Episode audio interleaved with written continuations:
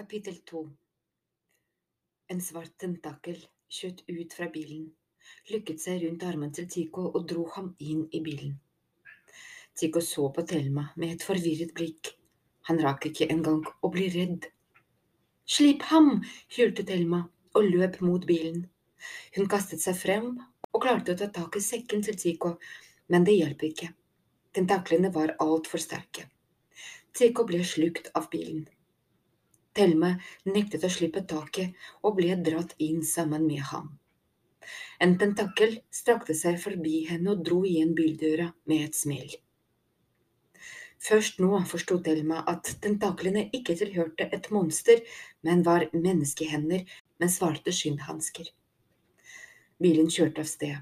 Thelma og Tico satt mellom en mann og en dame. Begge var kledd i svart fra topp til tå og hadde mørke solbriller. De satt der, helt uttrykksløse og avslappet, som om dette var helt normalt. Tico og Thelma så på hverandre, de tenkte det samme. Skjer dette virkelig? Begge håpet at den andre skulle si at det bare var drøm, men det skjedde ikke. Dette var virkelig. Stopp bilen, ropte Thelma. Hun tok tak i døråpneren og prøvde å dytte døra opp. Den rikket seg ikke. Tico kastet seg over fanget til mannen og hamret på ruta med hendene. Hjelp! Vi blir kidnappet! Hjelp! Ingen kan høre dere, sa mannen. Stemmen hans var dyp og helt rolig. Tico fortsatte å rope og hamre på ruta. Mannen sukket. Bilen er skuddsikker og lydtett, sa han, og vinduene er sotet. Ingen kan se dere, og ingen kan høre dere. Tico tok opp mobilen sin fra lomma. Han tviholdt på den med begge hender, var sikker på at de ville prøve å ta den fra ham.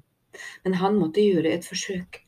Han tastet nummeret til politiet, 112, og var forundret over at han fortsatt hadde telefonen i hånden. Hvorfor tok de den ikke fra ham? Bilen er beskyttet mot radiobølger og elektromagnetisme, sa mannen og sukket enda en gang. Det virket nesten som han kjedet seg. Tico så på telefonen, ingen dekning. Hva slags syke folk er dere egentlig? ropte Thelma. Vi skjønner at dere er redde. Det var damen som snakket. Stemmen hennes var lys og myk, nesten litt søvnig. Men dere er helt trygge. Jeg lover. Å, du lover? Ja, da er jo alt i orden, sa Thelma før hun skrek. Dere kidnapper oss! Forventer du at vi skal tro på noe av det du sier? Hva vil dere, hvor tar dere oss, sa Tico. Stemmen hans skalv nå. Til et trygt sted, sa damen. Og siden dere ikke har noen mulighet til å rømme, foreslår jeg at dere gjør som vi sier. Det må være en misforståelse, stammet Tico. Vi er jo bare oss. Ingen misforståelse, brymet mannen. Thelma grep hånden til Tico og klemte den. De så på hverandre, ingen av dem sa noe. Men det trengs heller ikke. Begge visste hva den andre tenkte. Nå må vi være sterke, nå må vi passe på hverandre. Det virket som at mannen og damen slappet litt mer av nå. Thelma gløttet bort på mannen som satt ved siden av Tico. Både haken og hodet var glatt barbert. Og han manglet hals. Hodet var liksom plassert rett på de enorme skuldrene, og det fikk ham til å se ut som en pitbull. Det så ut som om kroppen hans hadde lyst til å sprenge seg ut av dressen. At han var kriminell, kanskje en mafiafyr, var det ingen tvil om. Men hva med damen? Thelma snudde seg, lot som om hun kikket forbi henne og ut av vinduet. Thelma visste selvsagt at man kunne være kriminell uten å se kriminell ut, men denne damen så mest ut som om hun jobbet på et fint advokatkontor eller i et parfymeri. Selv om hun hadde på seg solbriller, kunne Thelma se at hun var pent sminket. Det brune håret hadde hun en stram, perfekt hestehale. Tico så ut av vinduet på trafikken og menneskene på fortauet.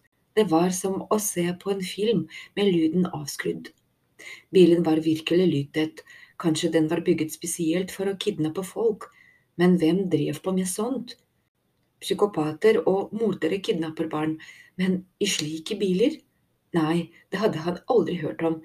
Dette måtte dreie seg om noe annet. Men hva?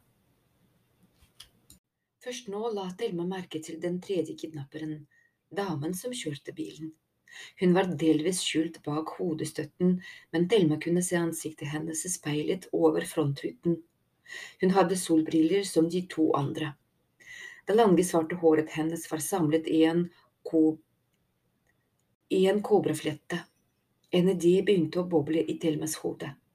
Thelma pekte ut av vinduet. Se en politibil! utbrøt hun. Både mannen og damen snudde seg mot dit hun pekte.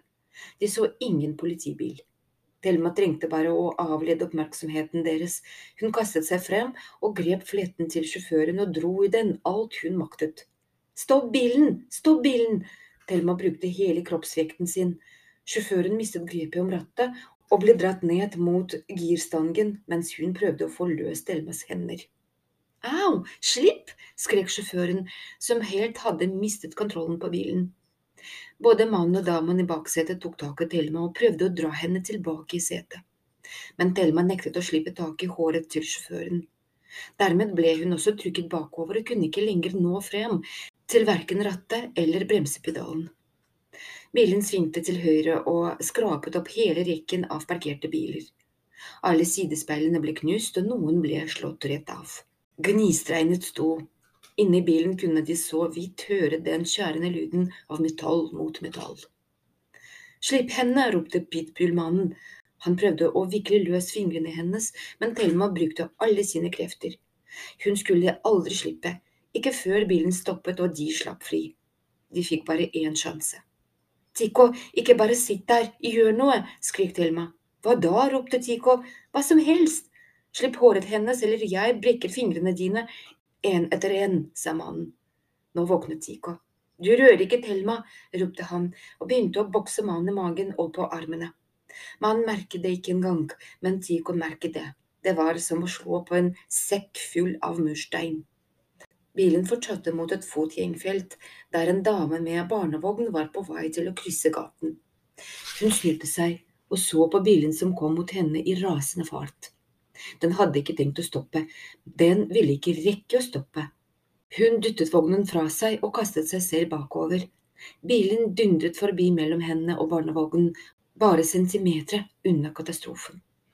Så svingte bilen over i motsatt kjørebane og styrtet rett mot en tankbil. Tankbilen blinket med lysene og tutet. Om fire sekunder ville de krasje. Thelma! ropte Tico tre sekunder. Han var sikker på at nå ville de dø. Tankbilen ville eksplodere, og de ville bli brent til aske av 50 000 liter bensin. Flammene ville stå 20 meter til værs. Det ville ikke være noe igjen av dem. To sekunder. Thelma! Nå kikket Thelma opp. Shit, sa hun og slapp taket i fletten. Tico lykket øynene. Ett sekund. Sjåføren kastet seg over rattet og vrengte bilen tilbake i riktig kjørefelt. Det hulte i dekkene, og tangbilen dundret forbi. Tico gispet etter pusten, kunne nesten ikke tro at de hadde overlevd. Eller så hadde de bare utsatt døden noen minutter, for pitbullmannen grep ermene til Thelma og presset dem bak på ryggen hennes. Au, det gjorde drittvondt. Det var det jeg sa, det er alltid best å putte dem i bagasjerommet, sa mannen. Ja da, ja da, vi gjør det neste gang, sukket damen. Jeg følte på meg at disse to var trøbbel. Gaffateip og bagasjerom, det har alltid fungert, sa han. Så slipper vi overraskelser. Unger som får det for seg at de skal leke helt, for eksempel. Han klemte litt ekstra hardt til det han sa det. Du bruker armene mine. Tøys. Men når du sier det, så høres det ut som en god idé. Så finner du kanskje ikke på mer tull. Damen tok frem et lite skinnfutteral, åpnet glidelåsen og begynte å fikle med noe. Tror du en halv millimeter holder? De er ikke så store, sa hun. Gi dem det dobbelte, vi kan ikke ta flere sjanser, sa mannen. Hva skjer nå, sa Tico. Vi ses på den andre siden, sa damen. Hun løftet sprøyten, knipset på den og sprutet ut noen dråper for å teste, og stakk den i låret på Tico. Det svidde. Tico så på Thelma. Igjen var det som om alt gikk i sakte film. Thelma ropte noe til ham, men han kunne ikke høre ordene. Stemmen hennes kom fra dypet av en brønn. Enten så er alt dette en drøm, tenkte han, eller så er det sånn det er å dø. Så ble verden borte.